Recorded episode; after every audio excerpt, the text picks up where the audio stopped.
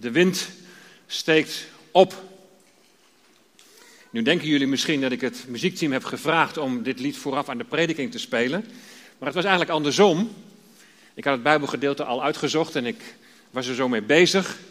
En ik kon nog niet helemaal uh, ja, tevreden zijn, zeg maar. En uh, toen dacht ik van eens even kijken van wat, wat, wat het lied is wat vooraf aan de preek gezongen wordt. En er was De wind steekt op. Ik denk, nou dat is een mooi thema voor de preek. En daardoor, eigenlijk door dat thema, kwam de preek ook helemaal weer tot een uh, goed einde. Voordat we gaan lezen, en uh, wil ik eerst graag met jullie in gebed. Heere God, we komen tot u voor uw troon van genade. En we mogen met vrijmoedigheid komen, omdat u, Heer Jezus, die weg hebt ingewijd door uw bloed. En Heer, we willen buigen voor u en beleiden dat we in alles van u afhankelijk zijn. Zometeen in het luisteren en in het begrijpen. U wilt bij ons zijn in de verkondiging. Wilt u leiden door uw Heilige Geest. Wilt u uw woord maar bevestigen in onze harten. Tot lof en eer van uw naam, in Jezus' naam. Amen.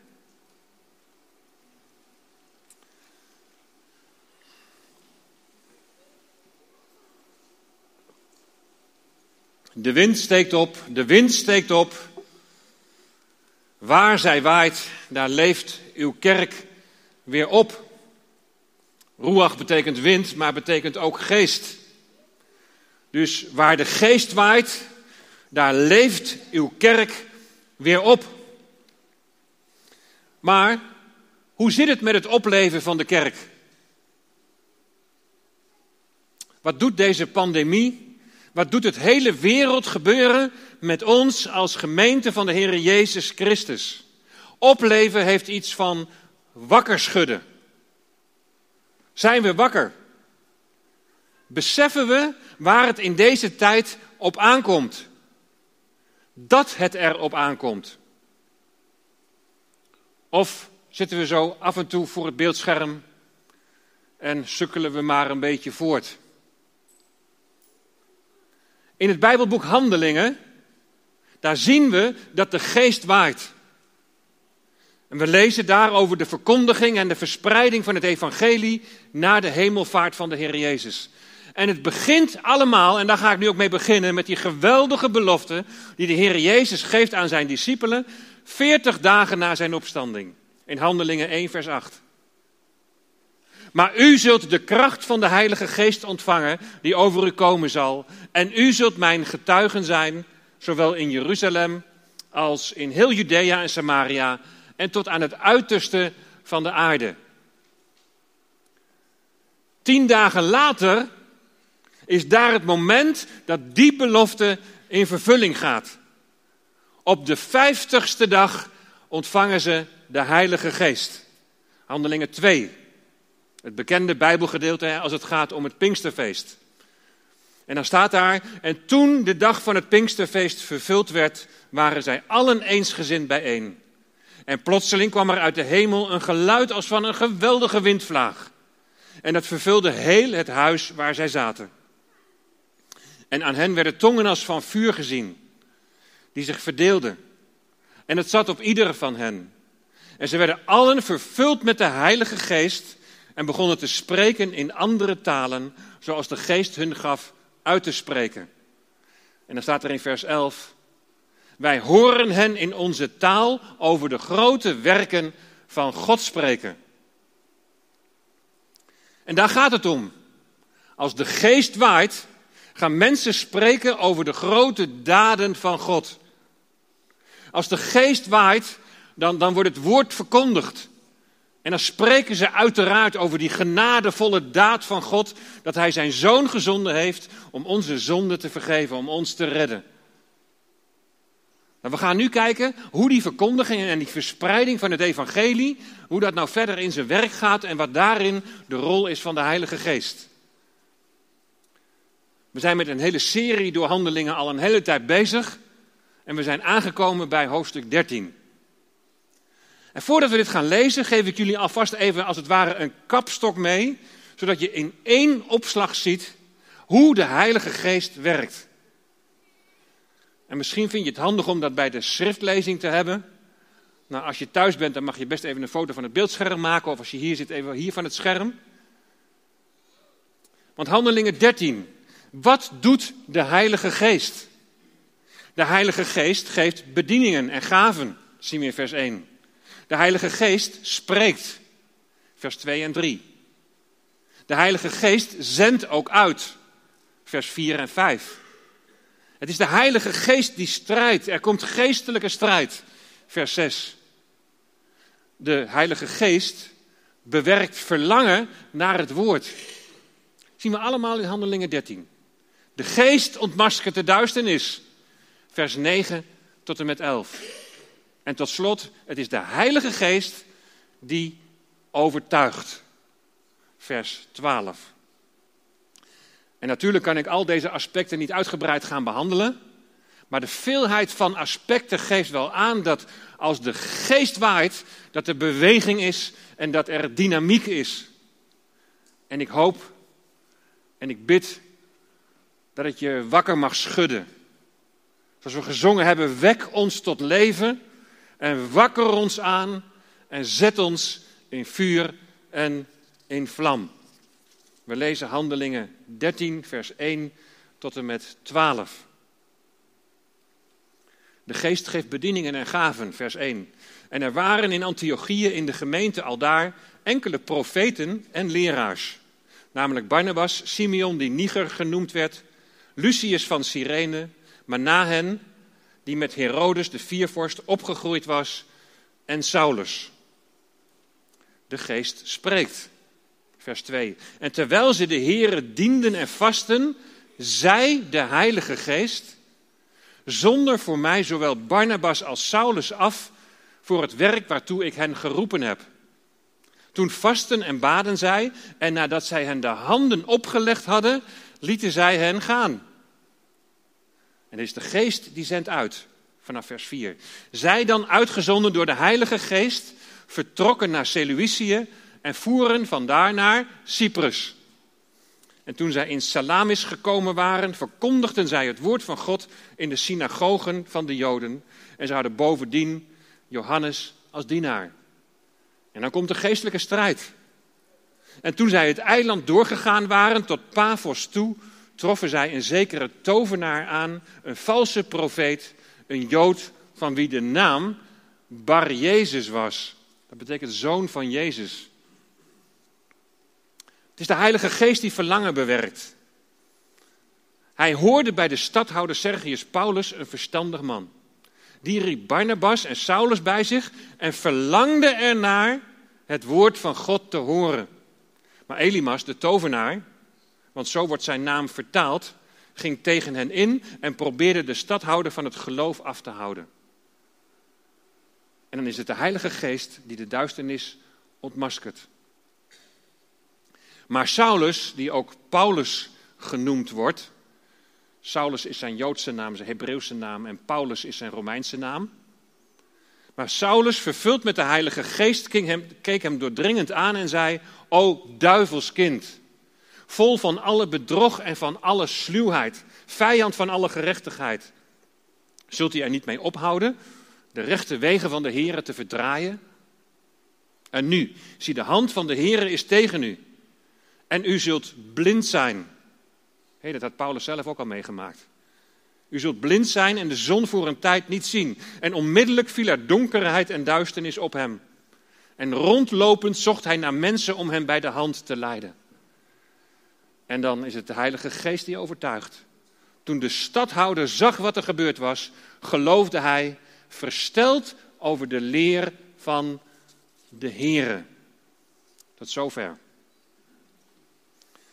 Vanmorgen zal ik dus bij drie vragen stilstaan. Wat is Pinksteren? Wat is het doel van Pinksteren? En wat is de uitwerking van Pinksteren? Nou, die eerste twee, daar zal ik heel kort even bij stilstaan. En dan vervolgens uitgebreider, waar het me vanmorgen om gaat, is Handelingen 13. Wat werkt die Heilige Geest nu uit? Wat gebeurt er als de wind opsteekt? Wat gebeurt er als de geest waait? Ja, wat is Pinksteren? En we lezen in Handelingen 2, vers 1. En toen de dag van het Pinksterfeest vervuld werd, waren ze allen eensgezind bijeen. Nou, juf Tineke die heeft het al prachtig uitgelegd aan de kinderen. Want het heet niet oorspronkelijk het Pinksterfeest. Zoals zij al zei, het is het wekenfeest. Shavuot.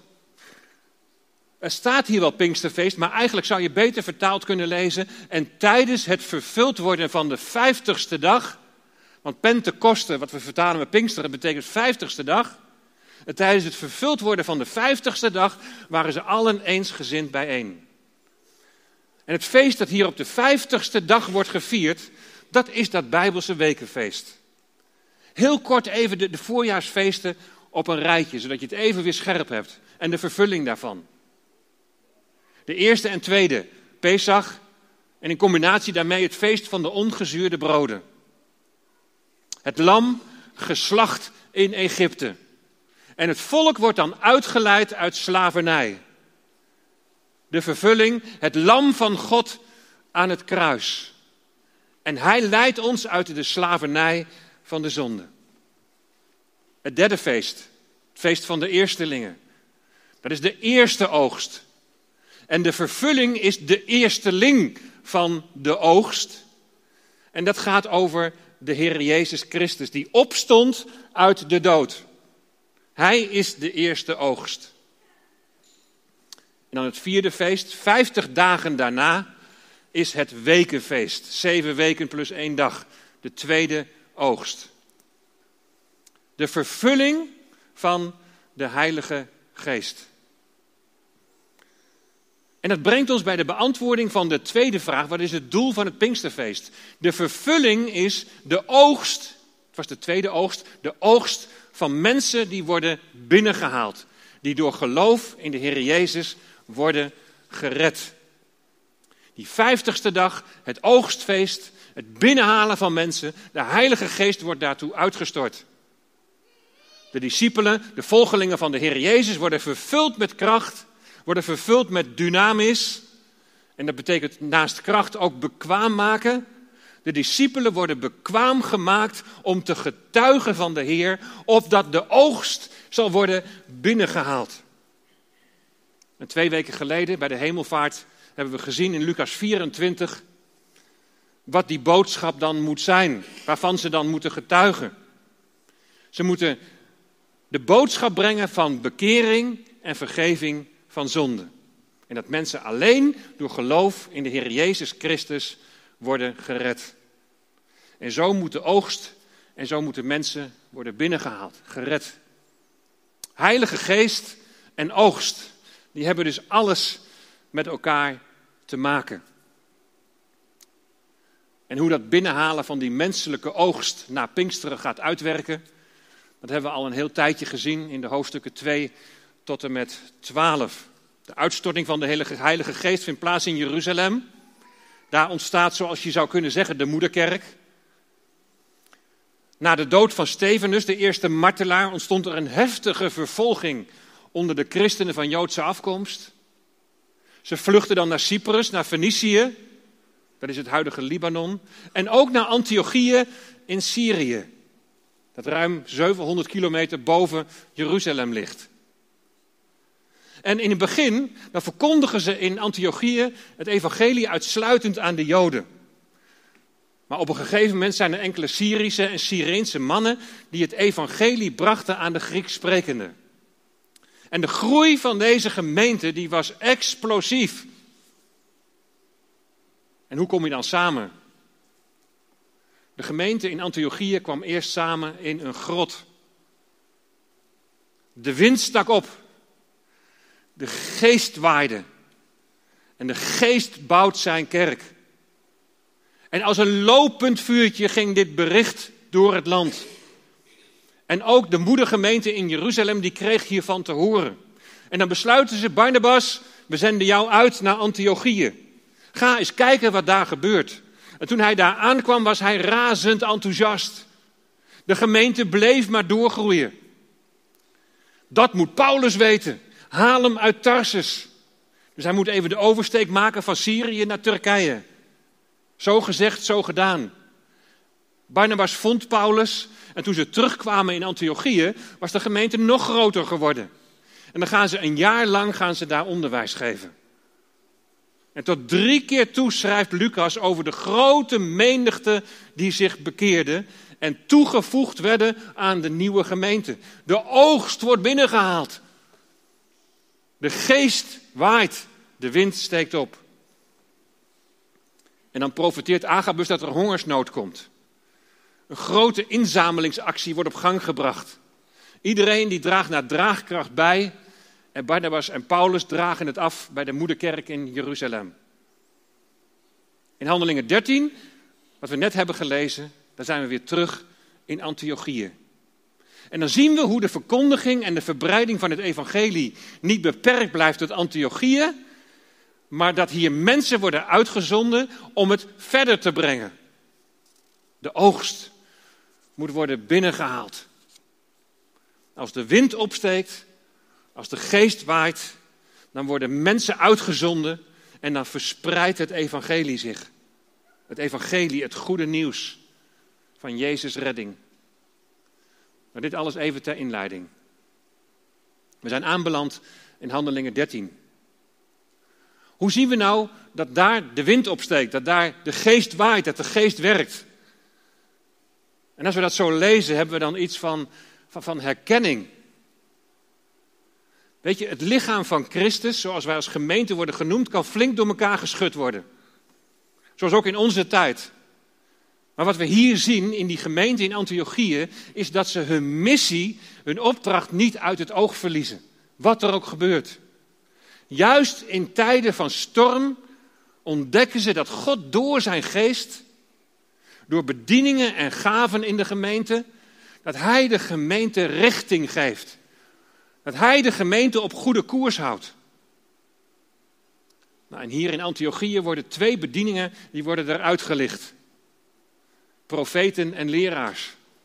Er zijn er veel meer. Maar deze nu even als, als voorbeeld. Vijf namen worden genoemd. Weet je, en dan wordt er niet specifiek gezegd dat is de profeet en dat is de leraar. Het gaat niet om positie. Het gaat niet om invloed. Het gaat er niet om om aan een functie een identiteit te ontlenen. Gaven die je ontvangt zeggen veel meer over de gever dan over jou. Het is genade dat je ze ontvangt. En daarom noemt de Bijbel het ook genadegaven. Die ontvang je niet tot eer van jezelf, maar die ontvang je om daarmee je naaste te dienen. Profeet is niet een bediening waar je op solliciteert. Bedieningen, gaven, die, die worden op een gegeven moment worden die herkend. En die worden op een gegeven moment erkend. Nou staat er in 1 Korinthe 14, vers 3, wie echter profeteert, spreekt tot mensen woorden van opbouw en vermaning en troost. Het is een gevoeligheid die de Heilige Geest geeft, dat je het juiste woord op het juiste moment doorgeeft. En dat dan ook zo wordt ervaren, er is geen enkele twijfel mogelijk, dat zo wordt ervaren dat God spreekt op dat moment. Profeten duiden de tijd. Er zijn, er zijn mensen die, die meer dan gevoelig zijn voor het verstaan van Gods stem. In die zin dat, dat God op bepaalde momenten laat zien van, van wat de koers moet zijn. Welke verandering je op welk moment moet doorvoeren. Maar wie en wie, zoals hier in Handelingen 13, moet worden afgezonderd en wie moet worden uitgezonden. En dan vormen ze hier een groepje met leraren. De leraren worden niet alleen herkend aan, aan de hoeveelheid Bijbelkennis die ze hebben, maar leraren leggen het woord uit en passen dat toe op het leven van de gelovigen. En ze kunnen hier in Handelingen 13 mooi de profeten toetsen of hun openbaring niet buiten de openbaring van de schrift omgaat, want dat kan niet. Ze kunnen hier in Handelingen 13 de profeten toetsen. Als de wind waait, als de geest waait, dan word je in een bediening met een bepaalde gave ingezet tot opbouw van de gemeente. En wat dat dan precies voor jou is, dat gaat gaandeweg duidelijk worden als je met de Heer wandelt. En vaak bevestigen ook anderen het op, op, op een gegeven moment, omdat ze het in je herkennen. Vijf mannen, profeten en leraars in die jonge gemeente in Antiochië. Barnabas en Paulus hebben dus een jaar onderwijs daar gegeven. Het zal best intensief zijn geweest. En dan ineens spreekt de geest als volgt. Zonder voor mij zowel Barnabas en Saulus af voor het werk waartoe ik hen geroepen heb. Het is een jonge gemeente. Een jonge gemeente dus die niet alleen naar binnen is gekeerd. Wat hebben we het toch goed met elkaar? Nee, er is een drive, er is een passie, een verlangen om onderdeel te zijn van de verbreiding, de verspreiding van het evangelie. En dan hoeft niet iedereen op weg te gaan naar verre landen. Dat kan heel dicht bij huis. Maar hier zien we dat de geest spreekt dat hij twee mannen aanwijst. Nou, als ik dat dan lees, dan word ik nieuwsgierig. Dan denk ik van hoe heeft de geest dan gesproken? Hoe werkt dat dan? Hoe, hoe gaat dat dan in de praktijk? Nou, dat moet je niet loszien van het begin van vers 2. Daar staat, en terwijl ze de Here dienden en vasten, zij de Heilige Geest. Nou, dat woordje dienen, dat, dat wijst erop dat de gemeente betrokken was. Dat de gemeente bijeen was. Samen dienden ze de Heer. Het is dus iets van, van samen. En dan zien we in vers 2 en ook in vers 3 dat ze dan samen bidden en vasten. Nou, we hebben net als raad hebben we een brief uit laten gaan dat we op zoek zijn naar twee oudsten. En in die brief, daar zijn een paar bijbelgedeelten aangegeven waar een oudste volgens het woord van God aan moet voldoen. Ik zou zeggen, lees dat eerst eens na. En dan is het vervolgens niet alleen maar bedenken welke namen volgens jou dan in dat profiel passen, want we hebben gevraagd om namen aan te leveren. Maar ik zou je willen oproepen, bid en vast. Het gaat om, om tijd apart zetten. En je heel bewust tot de Heer richten en, en vragen wie het moet zijn. En we trekken dus heel bewust de gemeente erbij, net zoals hier in Handelingen 13. En de vraag kan zijn, zijn er al misschien al wel broeders die je daarin herkent? En weet je, de oudsten zelf die zijn er ook op deze manier mee bezig. En als we dat straks bij elkaar leggen, dan verwachten we dat de Heilige Geest die in ons woont, dat de Heilige Geest zal spreken. Dat er namen naar voren zal komen die de geest in harten heeft bewerkt. En dat er dan namen uit zullen springen. En we hebben dat in het verleden al veel vaker gezien. Dat namen die aangeleverd werden, op een gegeven moment al matchten met wat wij ook als oudsten op ons hart hadden. De geest spreekt. De geest maakt duidelijk. Ik moet er wel bij zeggen, dat is gelijk even een oproep. Er wordt maar heel mondjesmaat gebruik van gemaakt om daar naar ons toe op te reageren. Dus bij deze de oproep, laat het deze keer anders zijn. Bid ervoor en geef het door. Nou, hier blijkt dus dat Paulus en Barnabas het moeten zijn. En zo begint de eerste zendingsreis van Paulus. En je ziet hier een plaatje van die reis. Helemaal rechts, daar zie je Antiochië staan. Daar beginnen ze dus. In het midden, daar ligt het huidige Turkije. En rechts Syrië. En dan verder naar beneden, dat zie je niet op het plaatje, maar daar ligt dan Israël. Vorige week hadden Gert en Mayo hun zendingsmoment. En toen zeiden ze: Wij zijn uitgezonden door de fontein. Dat is waar. En het is heel belangrijk als zendeling dat je ook uitgezonden bent door een gemeente. Maar nog belangrijker, en we zien dat hier in vers 4 bij Barnabas en Saulus, ze zijn uitgezonden door de Heilige Geest. Ze zijn dan uitgezonden door de Heilige Geest en vertrekken naar Seleucië En vervolgens maken ze de oversteek naar Cyprus, naar Salamis en Paphos. Als ze onderweg zijn, is de uitzendende gemeente niet meer te bekennen. Dan staan ze er alleen voor. Maar de geest gaat mee. Die woont in hen. Die heeft hen aangewezen en die heeft hen uitgezonden. En dat besef, dat geeft iedere keer weer kracht en moed om door te gaan. Ook als er tegenslag is. Ook als het even niet meer zien zitten. Maar de geest heeft ons uitgezonden. En de geest, de helper, is bij ons. Hij laat niet los wat hij in ons is begonnen. Dus we geven niet op, maar we gaan door. Het zal steeds weer opnieuw stormen. Want waar jij licht brengt, daar zit de duisternis niet stil. En dan heb je steeds weer nodig dat midden in die storm op een positieve manier de wind opsteekt. Dat de geest waait. Dat de geest, de trooster, je bemoedigt en aanmoedigt om stand te houden. Ze zijn nog maar aan het begin van hun reis. Cyprus. Nou, we hebben al gezien dat Cyprus het evangelie nodig heeft. De steden Salamis en Paphos. En zoals gebruikelijk beginnen ze de woordverkondiging in de synagogen van de Joden. Nou, geestelijke strijd kan niet uitblijven. Er zal strijd zijn, want nogmaals, daar waar wij het licht brengen, daar zit de duisternis niet stil.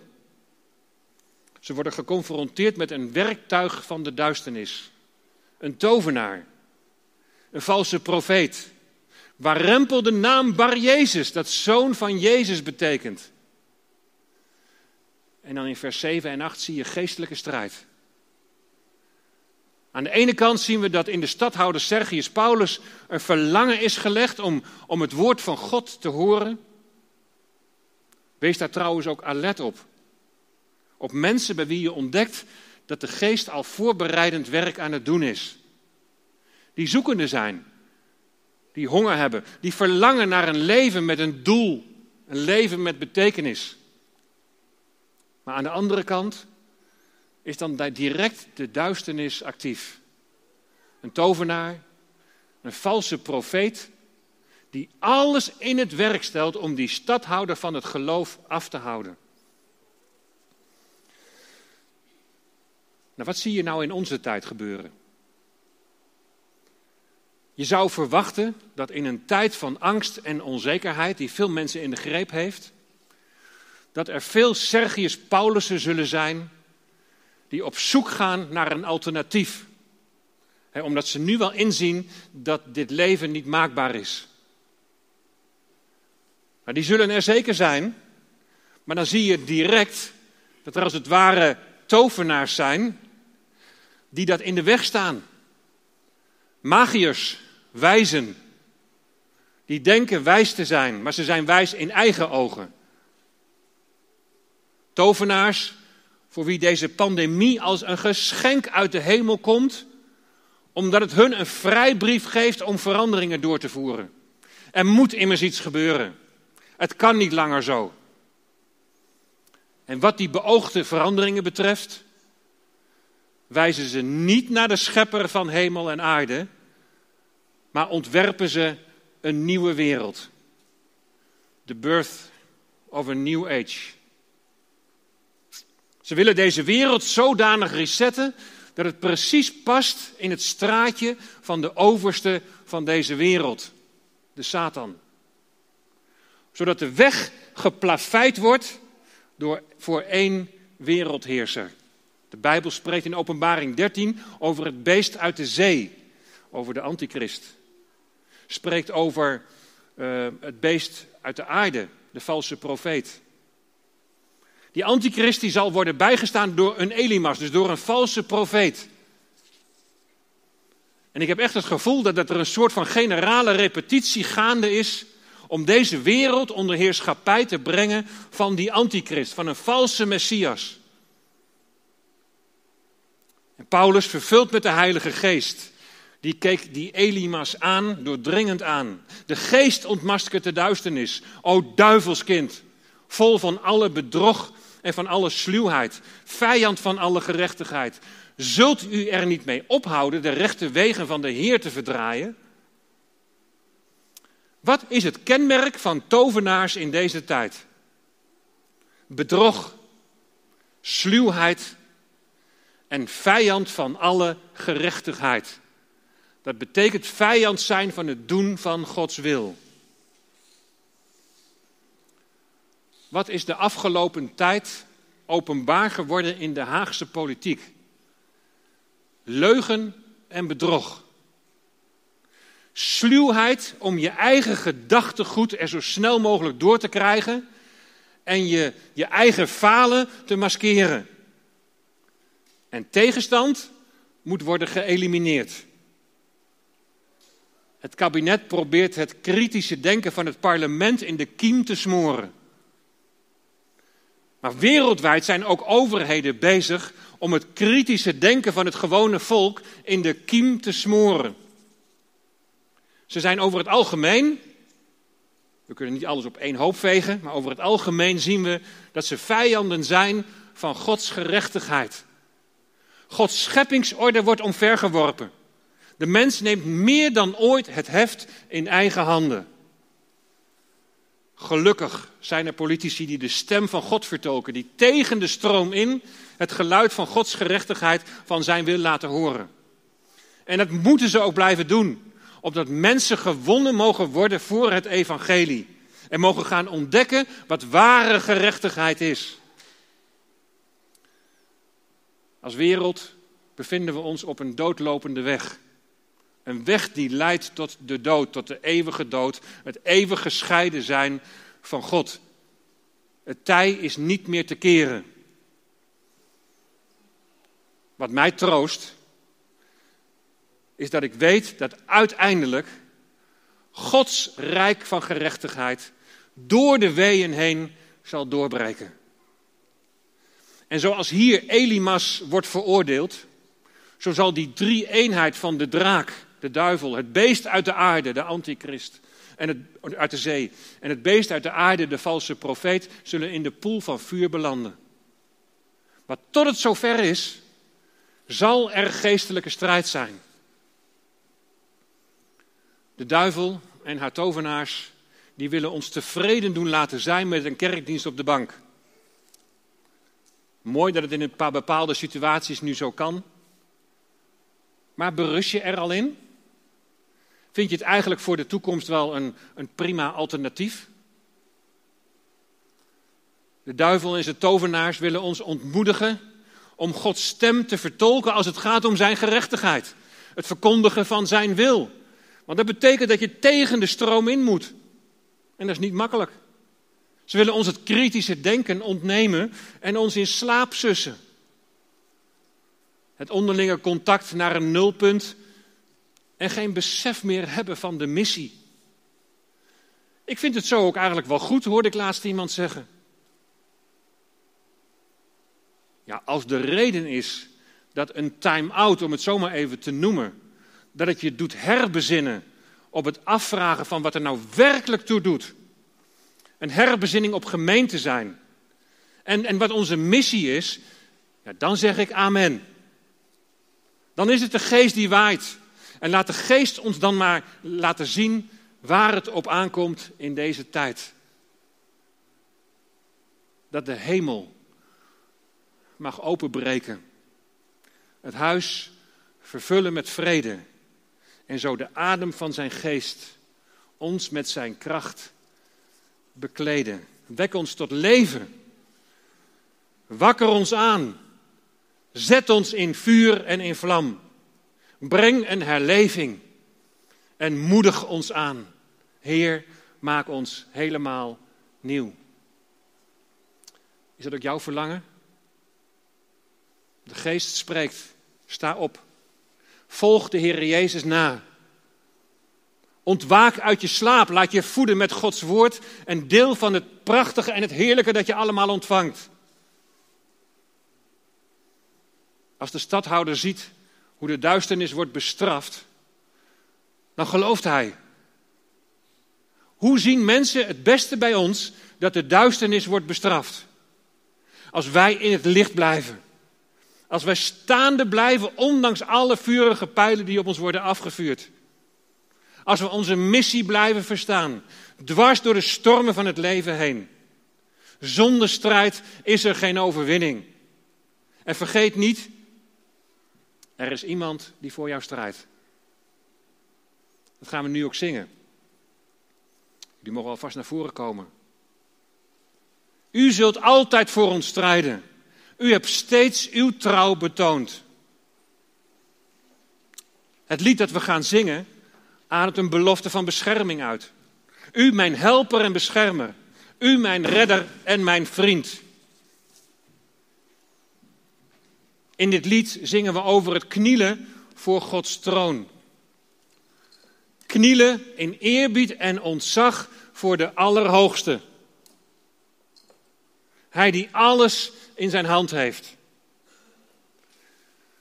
Knielen voor, God, voor Gods troon zingen we dan, dat verstilt de onrust. Als we knielen voor Gods troon, als wij Hem aanbidden, als ons leven een leven van aanbidding is, dan ontvangen we rust, dan verstilt de onrust. Laten we het samen met een diep verlangen zingen en vragen. Ik had nog even de tekst van het winnende liedje gisteren opgezocht. Nou, als je een foto van de groep ziet, dan weet je al genoeg. En dan zingen ze. Op een grafsteen gaat, staat geschreven: In mijn huis is er geen God. Wij zingen: Vul ons huis nu met uw glorie. Vul ons hart met heilig vuur. Een hart brandende voor de Heer Jezus. Wek ons tot leven. Wakker ons aan, zet ons in vuur en in vlam. Breng een herleving en moedig ons aan. Lieve mensen, het kan in deze tijd twee kanten opgaan.